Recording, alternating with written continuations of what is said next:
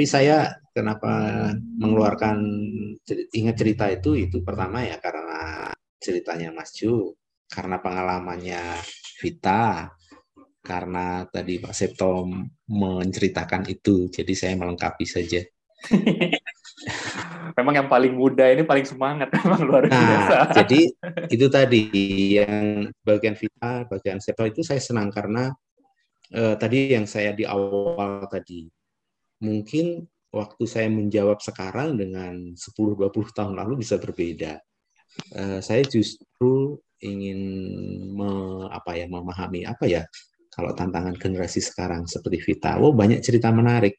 Nah tadi seperti uh, kompetensi ya, rupanya uh, itu yang nggak pikir zaman dulu. Maksudnya melayani itu menambah kompetensi, kompetensi tambahan di luar prodinya. Vita kuliah di apa? Jurusannya? Di jurusan Teknik Informatika, Pak. Oke, Teknik Informatika. Nah, itu kan menarik gitu ya. Wah, ikut pelayanan atau melayani itu menambah satu kompetensi tertentu. Nah, itu nggak didapat itu. Istilah itu 10 atau 20 tahun lalu. Yang didapat mungkin seperti Bang Septo ini ya. Oh, karena amanat agung gitu kan. Oh, itu luar biasa. Bang Bang Septo ini cocoklah jadi mis apa? langsung nih. Udah langsung refer ada ayatnya. Uh, tapi kalau generasi sekarang seperti Vita itu praktis kan? Oh ya dapat kompetensi tambahan. Nah dan itu tidak salah, bagus-bagus saja. Dan memang itu kok. Saya juga merasa, oh rupanya waktu saya melayani itu benar itu kepake kok di pekerjaan itu gitu. Jadi ya bagus itu ya saya senang. Ada dua generasi di atas saya. Eh di atas saya. Di atas mbak betul. Kita di atas saya. paling muda soalnya. Iya. Yang saya tahu kan di atas saya tuh generasi. Iya. oke pak kreatif. ya ya oke pak ini nih. Ya makasih banyak ini pandangannya luar biasa. Um, Tadi aku udah udah lupa tadi. Oh nih, datang dari Sampai Jema. lupa kan? Iya, Pak. Dan lupa. Saking saking saking ini ya, kebanyakan ketawa tadi. datang dari kelimpahan sama tadi mungkin ini ya aspek kompetensi. Jadi melayani itu enggak tidak hanya untuk orang lain, tapi ada benefit atau ada keuntungan buat diri sendiri sendiri berupa peningkatan kompetensi tadi. Mungkin yang sekarang kayaknya baru banget gitu konsepnya. Aku mau tanya ke Vita jadinya. Uh, Fit, tadi kan mungkin sempat cerita Fit kegiatan akademik pertama, terus kegiatan pelayanan mungkin kedua, terus mungkin kegiatan lain-lainnya, ya inilah prioritas selanjutnya. Tapi tadi kalau dari definisinya atau cerita dari ceritanya Pak In kan intinya pelayanan itu berbagi kehidupan gitu. Berarti kegiatan apa pun itu bisa jadi pelayanan gitu kan. Yang penting kan kita bagi hidup. Nah mungkin ini agak dalam ya Fit, tapi mungkin bisa ceritain nggak Fit? Sekarang mungkin dengan SMA ada perbedaan nggak sih kamu memaknai pelayanan gitu? Apakah um, bagi kamu sampai sekarang pelayanan itu tetap harus masuk ke misalkan organisasi mahasiswa Kristen atau organisasi pelayanan khusus atau ya bagi aku ketika aku mengerjakan tugasku dengan baik membantu teman-temanku di kuliah dalam kelompok tugasku itu pelayanan bagiku gitu. Definisi bagi kamu pelayanan tuh kayak gimana gitu. Dan mungkin di teman-teman juga kayak kayak harus ini banget sih. Kalau kalau kegiatan akademik sekuler, kegiatan organisasi itu sekuler, terus kegiatan yang pakai Alkitab baru yang uh, kegiatan pelayanan atau sebenarnya definisi sekarang yang teman-teman yang apa masih sama baru sekarang tuh udah lebih ini udah lebih cair gitu definisinya. Mungkin bisa cerita, Fit kalau dulu sebelum ya masih zaman-zaman sebelum pandemi yang kita masih ketemu tatap muka, itu menurutku pelayanan tuh yang uh, benar-benar harus di luar sekolah, terus bantu ini, bantu itu, ketemu orang-orang, terus istilahnya keberadaan kita tuh membantu mereka lah, entah itu secara uh, physically ngasih mereka sesuatu atau lewat skill yang kita punya. Nah, sedangkan begitu aku masuk mahasiswa baru ini, aku ada di lingkungan yang um, kalau masa SMA itu aku kompetitif. Jadi semua hal yang aku lakuin itu cuma buat aku, aku, aku, aku, aku. Sedangkan kalau mulai masuk masa kuliah ini, aku ketemu banyak teman-teman mahasiswa baru dan di aku belajar di perkuliahan ini sebenarnya kita saling membantu satu sama lain, bukan kita berebut untuk menjadi yang terbaik lagi gitu memang kita harus jadi yang terbaik untuk diri kita sendiri, bukan untuk mengalahkan orang lain. Itu aku pelajari dari masuk bangku kuliah ini. Nah, kalau jadi menurutku di perkuliahan ini melayani itu sebenarnya bukan hanya kita um, misalnya pekerjaan di luar kampus atau di luar belajar gitu. Yang aku belajar pelajari itu melayani itu bisa aja dengan hal kecil kayak semacam uh, kita bantu teman-teman kita yang belum memahami materi gitu. Uh, misalnya Google Meeting sama mereka atau Zoom sama mereka terus jelasin suatu materi yang belum mereka mengerti itu menurutku sudah masuk satu pelayanan yang membawa benefit bagi orang lain bukan hanya bagi diri kita sendiri tapi bagi orang lain juga. Terus um, itu aja sih menurutku kalau untuk pelayanan itu benar-benar mulai bisa dari hal sesimpel itu gitu. Oke, Vita, ini menarik. Aku mau langsung lempar ke Kak Septo sama Pak ini, karena pasti udah pengen pengen nanggepin nih. Mungkin pertanyaan jadi ini. Um, ketika sekarang makna pelayanan jadi makin luas ya. Kegiatan apa pun, selama spiritnya itu dari Alkitab ya jadinya kegiatan Septo. pelayanan. Sep, mau Septo dulu, Pak. Nih, aku serahin ke Pak In lah. Mau duluan? Atau Kak Septo dulu, boleh? Toh yang pengen sekali dari tadi itu. Oh yes, oke. Okay. ya, pertanyaannya belum ditanyakan. Oh belum. belum belum beres tadi pertanyaannya. Pak In udah semangat ya. Ini Saya semangat uh, meminta Septo. Ku kira, ku kira semangat jawab. Ini Kak Septo. Um, Kak Septo berarti kan ya dari mahasiswa tadi nih, aku kita sudah bisa merasakan sudut pandang kan ya kegiatan kekristenannya mayoritas terjadi dalam organisasi Kristen gitu ya uh, mayoritas gitu. Tapi tentu tidak membatasi. Nah, sekarang dari generasinya Vita itu uh, ya paradigmanya sangat luas gitu. Kita apa pun itu bisa jadi pelayanan. Nah, um, apakah ini pandangan tepat dalam arti ya kalau kayak gini buat apa gitu ikut organisasi Kristen? Buat apa sih ke gereja kan atau di sebuah tempat uh, bisa melayani gitu. Salah satu contohnya mungkin Kasepto dari apa ya? Ya adikku lah, adikku juga baru masuk nih ke kuliah sekarang baru semester satu um, ketika aku ajak dia gitu ya untuk ikut salah satu kegiatan uh, kemahasiswaan Kristen, pertanyaan pertama dia kerennya di mana? Maksudnya uh, ini siapa? Terus aku bakal belajar apa? Aku bakal dapat apa gitu? Um, harus yang praktis, harus yang cepat, harus yang real gitu dan um, bagiku pribadi dan bagi adik aku ya nggak salah gitu selama kegiatan dilakukan jadi positif gitu. Akhirnya dia ikut organisasi lain gitu jadinya yang yang mungkin uh, bisa langsung ke dunia kerja, ada ada latihan CV apa gitu-gitu lah ya. Yang mungkin benefit dia dapat, terus dia mungkin nanti bisa sebarkan ke teman-temannya dan itu juga pelayanan gitu. Sesederhana itu bisa jadi pelayanan. Nah, apakah mungkin ada sudut pandang lain dari Kak Septo? Uh, kenapa pada akhirnya kita mungkin tetap perlu nih melayani secara khusus di organisasi Kristen atau di gereja? Itu dalam kondisi sekarang yang melayani itu sangat udah sangat luas definisinya. Ya, terima kasih. Tadi kita sudah menjelaskan ya dan saya melihat bahwa pelayanan itu atau melayani itu holistik ya. Jadi memang betul kita misalnya di bawah organisasi tertentu ya kerohanian di gereja atau di mana. Tetapi kembali ingat posisi kita masih di dunia, belum di sorga. Jadi mari berjalan sama-sama beriringan, bersentuhan satu sama yang lain ya. Dan itu yang membuat melayani itu seni dan holistik, menyeluruh. Jadi tidak bisa dibatasi. Itu yang pertama. Yang kedua, melayani juga kembali kepada motivasi dan tujuan. Untuk apa saya melayani? Apa dasar firman Tuhan saya melayani? Atau jangan-jangan motivasi saya supaya saya terkenal, supaya saya dilihat orang, wah baik dia ini melayani ya. Nah itu saya rasa kurang tepat.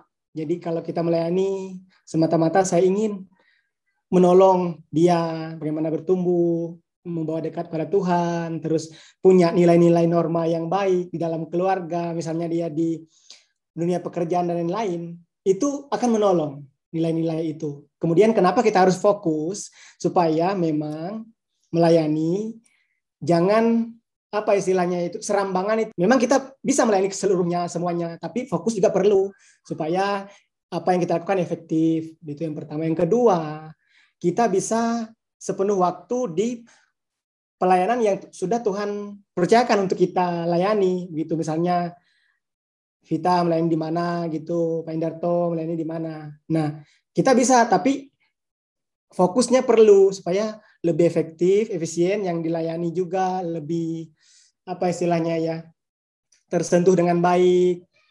Dan itu akan menolong. Pelayanan kita akan maksimal. Di situ yang menjadi tekanan saya. Terima kasih. Wah ini mantap nih. Kak Septo luar biasa. Jadi um, tadi ya mungkin teman-teman yang mendengarkan kenapa pada akhirnya kita tetap perlu gitu ikut suatu organisasi pelayanan yang khusus karena tadi values-nya dan juga karena supaya kegiatannya terstruktur supaya kegiatannya punya arahan dan tujuan juga yang jelas gitu. Kan um, ini udah seru banget diskusi kita dan mungkin aku mau membagikan mungkin satu pengalamanku tadi ya baru keinget nih terkait uh, apa poinnya Pak In terkait berbagi hidup gitu. Jadi kalau mahasiswa kan sekarang kebanyakan di online gitu ya kegiatan online uh, interaksi non verbal itu sangat sedikit tuh dan semester ini aku berkesempatan dapat kegiatan magang bekerja di perusahaan di Jakarta offline gitu. Jadi ya setiap hari naik komuter bolak-balik pengalaman pertama berinteraksi dengan yang si level si level yang bos-bos dalam satu kantor. Karena kebetulan aku bekerja atau magangnya di startup gitu. Dan terasa sekali gitu ada interaksi yang kayak cara mereka memimpin meeting, cara mereka saling menyapa, cara mereka uh, kalau lagi makan siang misalkan gitu tegur sapanya ngobrolin apa sih gitu. Terus uh, gimana mereka misalkan lima menit di rapat marah-marah gitu ya benar-benar benar uh, saling saling kritik tajam tapi setelah rapat ketawa-ketawa gitu. Dan itu terjadi dalam ruangan yang sama terjadi dalam uh, momen yang sama. Jadi maksudnya memang ada interaksi nonverbal yang tidak tergantikan dalam kegiatan offline. Begitu bahkan mungkin nggak dalam konteks pelayanan gitu, bahkan dalam kegiatan sehari-hari tetap ada. Dan itu untuk orang Indonesia gitu ya, karena sangat uh, sosial, maksudnya sangat apa membutuhkan orang lain, mungkin stresnya lebih tinggi. Kalau orang-orang individual, budayanya individual udah terlalu masalah ya. Betul pak. untuk orang-orang ya seperti Indonesia ini interaksi langsung itu penting banget. Oke, iya, mantap nih kita. Jadi kita udah tadi mungkin uh, sudah bahas nih teman-teman dari awal tentang apa pelayanan itu kenapa sih penting. Terus kita udah cerita juga tadi pengalaman-pengalaman ketika kegiatannya berubah dari offline terus sekarang jadi online, apa yang hilang, apa yang bertambah. Terus tadi sudut pandang dari kita, dari Kak Septo, dari sudut pandang mahasiswa baru, ya kenapa sih melayani? Terus tadi Kak Septo tadi ada sharing-sharing juga eh, nilai-nilai apa yang perlu kita perhatikan ketika melayani supaya nggak salah itu ya nggak salah kaprah gitu. Dan tadi Pak In udah melengkapi dengan intinya melayani itu harus datang dari kelimpahan gitu nggak hanya sekedar untuk uh, apa tidak perlu terlalu dipikirkan tidak perlu terlalu berat tapi tetap harus dari kelimpahan dalam arti ya membagi hidup. Jangan hanya sekedar membagi firman. Nah kita sudah sampai di ini ya menghujung penghujung karena udah hampir satu jam kita nggak terasa. nah mungkin aku mau tanya terakhir aja nih masing-masing gitu. Mungkin bisa membagikan pesan terakhir atau mungkin pengharapan apa sih gitu yang mungkin bisa dipegang oleh teman-teman yang akan baru mulai melayani. Mungkin ada ayat favorit, mungkin ada pengalaman favorit yang jadi pegangan. Kalau saya lagi capek, kegiatan saya sudah penuh sebagai mahasiswa, atau kayak kok yang dilayani hilang-hilangan, nggak ada dampaknya, kayak hidup gitu-gitu aja. Kenapa saya harus tetap melayani? Mungkin dari Pak Indarto dulu deh, boleh. Uh, maaf tadi agak terputus, Jonathan. Oh, iya Pak. Ini uh, mungkin uh, pesan-pesan terakhir Pak, sama mungkin. Uh, uh, deg-degan kalau pesan-pesan terakhir. Menutup aja Pak maksudnya. Sama ini. Olah saya mendekati dipanggil Tuhan. sama mungkin pengharapan ini aja, pengharapan uh, mahasiswa gitu. Apa ayat favorit atau Oh iya. Yeah. Pengalaman favorit dulu yang bikin kalau pelayanannya mentok masih tetap punya semangat gitu lah. Ya, terima kasih ya, Jonathan. Nah, eh, paling tidak ada dua ayat yang saya pegang mengapa melayani. Memang ada begitu banyak ayat dukungan, tapi paling tidak yang sangat inspiratif dan sangat mendorong saya salah satunya Markus 10 ayat 45. Ini satu ayat hafalan yang ya banyak yang sudah menghafal uh, ayat ini. Karena anak manusia juga datang bukan untuk dilayani, melainkan untuk melayani dan untuk memberikan nyawanya menjadi tebusan bagi banyak orang. Ayat kedua yang saya pegang Lukas 6 ayat 40. Seorang murid tidak lebih daripada gurunya, tetapi barang siapa yang telah tamat pelajarannya akan sama dengan gurunya. Eh, dua ayat ini sangat menginspirasi bagi saya bahwa eh, melayani itu alasannya karena Yesus Kristus dan yang kedua keuntungan saya. Jadi betul tadi juga Vita saya amati juga itu satu pertumbuhan ya yang semula mungkin berpikir untuk mendapatkan kompetensi tambahan tetapi bagaimana orang juga punya benefit gitu. Nah, itu kan lebih membumi juga ya Vita generasi sekarang saya senang tuh dengar uh, beberapa istilah yang oh demikian ya generasi sekarang gitu. Nah, uh, saya pribadi yang selama ini juga pernah ada dibesarkan di dalam pelayanan kampus di antara mahasiswa dan juga saya pernah melayani alumni, pernah melayani pasangan muda dan hingga uh, juga keluarga yang beragam. Saya pernah melayani juga di uh, seorang yang di penjara. Uh, kemudian saya pernah juga ikut sebelum itu semua saya pernah aktif di gereja. Sampai hari ini saya masih melayani juga mahasiswa dan alumni. Tapi saya juga pernah sebelum pelayanan kepada orang langsung itu saya pernah pelayanan di sekolah minggu. Dulu saya mengajar sekolah minggu kelas 1 SMP. Kemudian saya menjadi organis, organ, main organ ya di gereja. Itu pada saat SMA. Nah, waktu itu ya terus kemudian saya pernah menjadi ketua pemuda di gereja dan itu saya merasa itu dulu uh, pelayanan saya. Tetapi waktu saya masuk ke dilatih dan melayani orang, saya menjadi sadar bahwa ya oke okay, itu juga pelayanan. Saya menghargai itu semua bagi teman-teman yang masih mengerjakan itu. Tetapi bagi saya pribadi, saya menjadi lebih bermakna bahwa saya melayani itu orang gitu ya, bukan uh, bukan jenis yang lain. Jadi uh, untuk apa itu semua? Pertama, untuk saya menjadi semakin serupa dengan Yesus Kristus.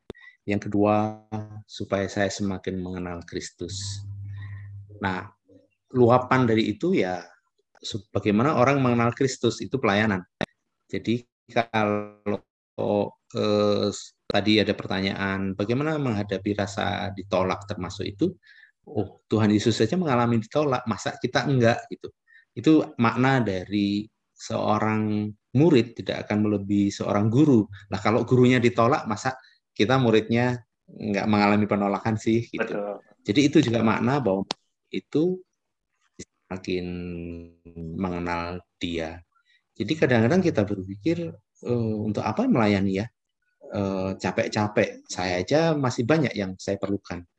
Tetapi tidak berpikir bahwa waktu kita melayani orang lain, waktu memberi hidup kepada orang lain, kita sebenarnya mendapat banyak hal itu. Nah, yang belajar satu Tesalonika, bagaimana Paulus berjuang melayani orang-orang. Banyak hal yang kita nggak ngerti maknanya Alkitab itu kalau kita nggak melayani orang gitu. Tapi waktu kita melayani orang, oh tahu pergumulan, oh begini ya maksudnya, ini maksudnya firman Tuhan itu, itu. Jadi Ya, sesungguhnya melayani itu pertama kita ditumbuhkan untuk semakin serupa dengan Kristus, bertumbuh dalam hal karakter, bertumbuh dalam hal uh, sikap, bertumbuh di dalam hal wawasan, dan yang kedua kita akan semakin mengenal Kristus. Oh begini ya rasanya Kristus waktu ditolak. Kita belum apa-apa, cuma ditolak. Saya pun seminggu lalu pun ditolak juga oleh mahasiswa. Saya bilang saya akan membuka ini eh, diskusi informal, lalu lalu gitu saya tawarkan kapan ini terus dia bilang setelah setelah sekian jam ya Pak udah diskusi dengan teman-teman kita sudah ada program mentoring gitu. Wah itu kan penolakan sebetulnya, Betul. penolakan halus. Jadi oh ya tidak apa-apa gitu. Jadi ya sudah biasa ditolak itu. Eh, ditolak cintanya pun udah pernah juga. Wah, luar biasa. Tapi ditolak cinta satu kali ya. Woi, itu itu topik lain ya. Topik lain, Pak. Wah, kok jadi nanti topiknya topiknya edisi berikut, Pak. tapi ditolak di dalam hal melayani itu sudah sering. Nah, tapi begini, kalau saya pikir ya Yesus saja sampai diludahi. Sekarang berapa juta orang yang menolak Kristus sampai hari ini gitu kan? Masa masa sih kita hanya orang nggak mau dilayani jadi mundur gitu kan nah itu nggak seberapa lah terakhir ayat terakhir ya hmm. uh, Joya uh, saya uh, tahun ini juga belajar satu hal tentang arti mati bagi diri sendiri. Itu 12 ayat 24. Aku berkata kepadamu, sesungguhnya jikalau biji gandum tidak jatuh ke dalam tanah dan mati, ia tetap satu biji saja. Tapi jika ia mati, ia akan menghasilkan banyak buah. Tadi Septo eh, terinspirasi dari menanam eh, tanaman-tanaman yang menghasilkan buah. Dan saya pikir itu target dari pelayanan kita menghasilkan buah ya buahnya itu apa pertama-tama ya pasti kehidupan kita kehidupan saya pribadi karakter saya watak saya. Dan tadi kalau ingat Vita kompetensi tadi oh itu benar Vita. Jadi kalau kita melayani orang maka eh, itu akan sangat berguna itu. Waktu di pekerjaan waktu di keluarga waktu berumah tangga kalaupun hidup single pun pasti akan berguna di dalam hubungan dengan orang-orang gitu. Nah, tapi memang salah satu hal kalau mau berbuah harus mati bagi diri sendiri. Artinya ya mati terhadap ego, mati terhadap keinginan-keinginan dan lain-lain. Nah, mungkin itu ya. Saya nanti kalau diberi kesempatan bisa sampai malam nanti kalau bicara soal pelayanan. Tapi paling tidak itu dulu.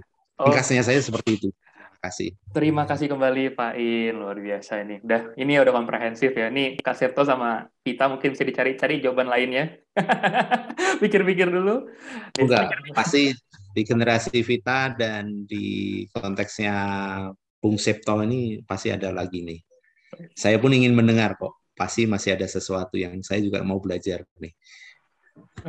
Oke Pak, mungkin Pita dulu mungkin Fit apa nih? Mungkin uh, closing closing statement sekalian mungkin pesan dari pengalamanmu apa yang bisa jadi pengharapan bagi orang yang baru memulai untuk coba melayani. Hmm, saya mau mendengar pesan-pesan Vita. um, Oke, okay.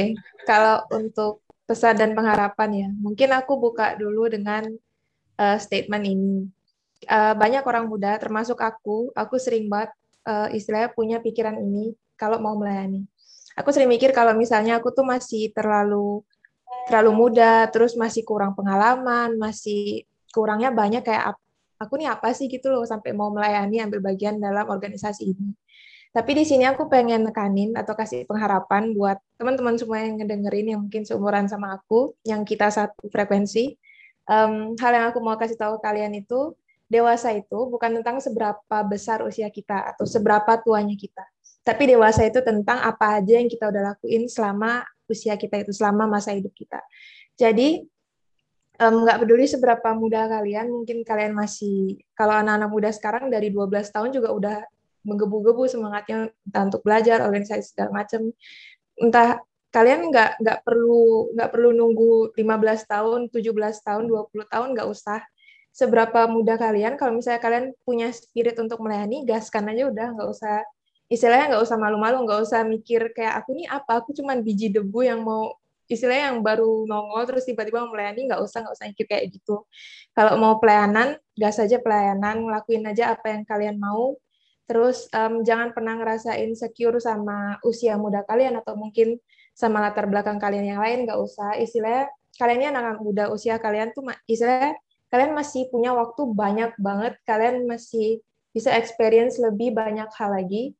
Jadi kalau kalian mau ngelakuin sesuatu, kalau untuk melayani sesuatu, untuk melayani atau segala macam itu lakuin aja. Terus kalau misalnya um, itu sih harus kita harus pakai masa muda kita untuk uh, nge-experience banyak hal termasuk melayani orang lain, membantu orang lain gitu. Pakai uh, pastikan kalau misalnya masa muda kita ini itu beneficial buat orang lain, bukan hanya buat diri kita sendiri. Mantap, keren banget kita. Jadi ini kayak ini ya, kayak apa uh, slogannya perusahaan e-commerce yang hijau ya, mulai aja dulu gitu ya. Jadi dimulai saja gitu ya. Nanti sama kayak kata Pak In sebenarnya ini muda tua tuh nggak terlalu bermasalah. Ini aku jadi, aduh Pak In jadi tua nggak apa-apa deh ya. salah konsep tapi. kata istilah Vita tadi eh, pesannya yang sefrekuensi. Jadi saya nggak sefrekuensi. Kalau radio itu ibaratnya mungkin FM dan AM AM mbak kalau generasi sekarang udah nggak tahu radio kayak. Oh iya nggak tahu radio. Udah nggak dengerin pagi ya jadi tadi Vita menekankan juga ya coba dulu aja gitu. Dari kaset tuh gimana kan? Terima kasih Mas Jo. Terima kasih tadi Vita Enderto. Ya setelah hari ini saya diingatkan dengan satu ayat ya ketika berbicara tentang melayani. Kenapa melayani? Untuk apa saya melayani? Di dalam Kolose 3 ayat 23 ini ayat hafalan kita juga. Apa pun juga yang kamu perbuat, perbuatlah dengan segenap hatimu seperti untuk Tuhan dan bukan untuk manusia. Jadi yang berbicara pertama adalah hati dulu, segenap hati. Lalu untuk siapa? Untuk Tuhan, bukan untuk saya. Jadi kembalikan hormat kemuliaan itu hanya bagi Tuhan. Nah, satu closing statement, satu kalimat yang semoga diingat ini dari saya. Bagaimana saya yang kecil ini terlibat dalam rencana Tuhan yang besar. Kiranya Tuhan menolong kita. Amin. Amin. Udah diaminkan. Udah tutup berarti. Oke, udah mau berdoa kita. Oke nih, um, terima kasih Pak, Pak terima kasih Kak Septo, terima kasih Vita, udah bener-bener ini udah 60 menit loh ya, ini udah satu jam, nggak kerasa kita. Sebenarnya pertanyaan masih banyak, kita mungkin nanti ya, cari waktu lagi untuk diskusi. Terima kasih juga teman-teman yang mungkin mendengarkan. Ini mungkin nanti akan dipecah-pecah beberapa part, nanti didengarkan saja tiap-tiap partnya. Dan mungkin aku akan coba rangkum nih diskusi yang sudah berjalan cukup cukup asik ini ya dan cukup panjang. Tadi ketika uh, kita dari awal diskusi sederhana sebenarnya pertanyaannya kenapa kita perlu melayani? Uh, banyak alasannya. Ada alasan untuk diri sendiri tadi Vita mungkin ya dari sudut pandang yang uh, lebih muda menjelaskan ingin dapat kompetensi ingin belajar A dan B C segala macam. Kak Septo tadi juga sudah jelaskan Pak In juga tadi sudah menambahkan ada values yang dipelajari, nanti kalau sudah bekerja, sudah berkeluarga dalam lingkungan sosial, layanan itu tetap ada fungsinya gitu. Dan benar sekali gitu, nggak terbatas pada sertifikat, nggak terbatas pada penghargaan, tapi ada banyak hal yang lebih berharga dari itu yang bisa didapatkan dari pelayanan. Dan keduanya ya tentu kita lebih lebih memahami Alkitab kalau kita sudah praktekkan gitu. Ya tadi mulai aja dulu gitu. Kalau dibaca aja dihafalin ya sampai mentok kayaknya akan sangat susah gitu menghafalkan Alkitab itu. Yesus saja adalah firman Tuhan yang hidup. Jadi ya harus dihidupi dulu firman Tuhannya sebelum bisa dipahami. Dan, dan tapi selain untuk diri sendiri, benefit terbesarnya dan mindset terbaiknya adalah kita melakukan ini seperti untuk Tuhan dan bukan untuk manusia kepada orang lain karena kita sudah dilayani dan sudah dikasih terlebih dahulu. Jadi ini saatnya kita yang sudah dikasihi, sudah dilayani, sudah diberikan hidup cuma-cuma oleh Yesus, sekarang saatnya kita melayani dalam kapasitas kita masing-masing, di tempat kita masing-masing, tidak terbatas pada organisasi atau gereja apa pun, eh, dan nanti seiring waktu, jika teman-teman, siapa pun dari kita terpanggil untuk bekerja di lingkungan yang uh, fokus pada kekristenan, maka itu juga tadi punya benefit. Seperti kata Kasep, lebih terfokus, mungkin value-value-nya lebih fokus ke kekristenan. Tapi tidak ada yang salah, tidak ada yang benar melayani selama tadi orientasinya untuk membangun bersama. Demikian teman-teman, Tech Podcast episode 3. Semoga bisa memberkati teman-teman yang mendengarkan. Terima kasih sekali lagi Pak In, terima kasih ya, Kak Terima kasih Cu, terima kasih. Terima kasih Vita. Oh, Vita. Ini semoga ikan-ikannya tetap sehat dan bugar di masa pandemi. kan eh, ikan-ikannya nggak lockdown ya Pak ya, di kolam aja kan ya. ya, di kolam. Saya melayani mereka Nah, tiap pagi juga kasih makan. Terima kasih Aminato, Melati. Ya, sama-sama. Ya. Terima kasih Pak Indarto, Pak Kasepto, Pak Jonathan juga. Iya. Nah, mungkin teman-teman terakhir uh, sebagai penutup, jadi Tech Podcast ini juga membuka kesempatan bagi teman-teman untuk boleh terlibat uh, sebagai mungkin ya menambah inilah armada gitu ya di bagian video editor maupun di bagian scripting bagi teman-teman yang mungkin berminat untuk join. Nanti mungkin ada linknya di video description, mungkin bisa diklik untuk nanti bergabung atau boleh tanya-tanya nanti juga ada kontak person yang kami cantumkan di deskripsi video maupun di uh, Spotify seperti itu. Mungkin itu aja teman-teman. Terima kasih sudah mendengarkan. Tuhan